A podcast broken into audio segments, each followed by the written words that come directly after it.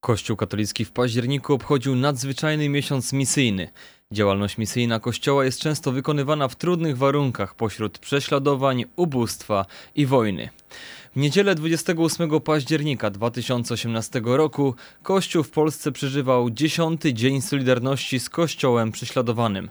Organizujące go co roku papieskie stowarzyszenie Pomoc Kościołowi w Potrzebie zwraca uwagę na wybrany kraj, szczególnie doświadczany prześladowaniami chrześcijan.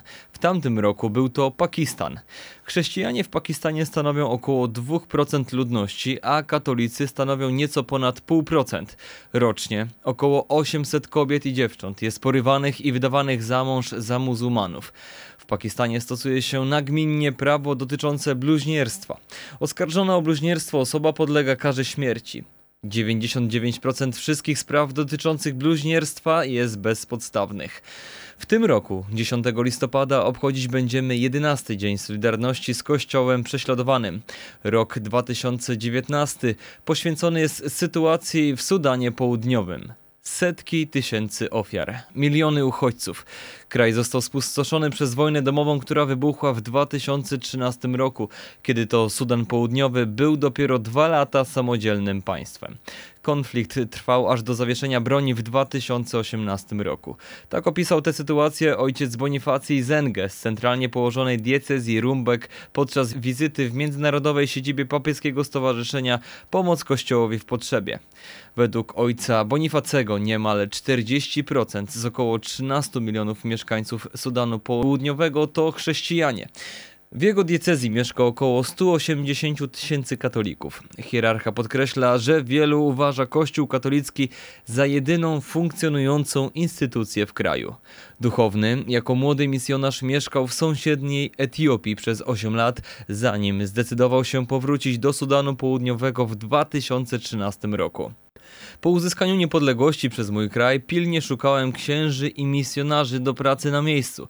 Chciałem zrobić coś dobrego i byłem gotowy na tę nową misję, przypomniał ojciec Bonifacy. Kapłan uważa to za swoje wezwanie do zaprowadzenia pokoju w tym rozdartym wojną regionie. Niemal natychmiast po przybyciu na miejsce duchowny zrozumiał, że jego parafianie pragną się kształcić. W niektórych przypadkach szkoły w Sudanie Południowym znajdują się w dość dużej odległości od domów, często są też przepełnione. Ogólnie w każdej klasie jest 60 uczniów, zdarza się, że jest nawet ich 100. Według oficjalnych statystyk około 3 czwarte wszystkich mieszkańców Sudanu Południowego w wieku powyżej 15 roku życia jest niepiśmiennych. Patrząc na tę trudną sytuację, kapłan zrozumiał, że edukacja jest kluczowym aspektem do wprowadzenia stałego pokoju i wyeliminowania napięć w społeczeństwie. Oprócz opieki duszpasterskiej, ojciec Bonifacy koncentruje swoją pracę na informowaniu rodziców o znaczeniu edukacji dla ich dzieci. Nie tylko, aby zrozumieli, że to daje dzieciom lepsze perspektywy, ale także w celu wzmocnienia ich niezależności. Aż 17% nieletnich dziewczyn wychodzi za mąż. Niestety, nadal jest to powszechną praktyką, zaznaczył zakonnik.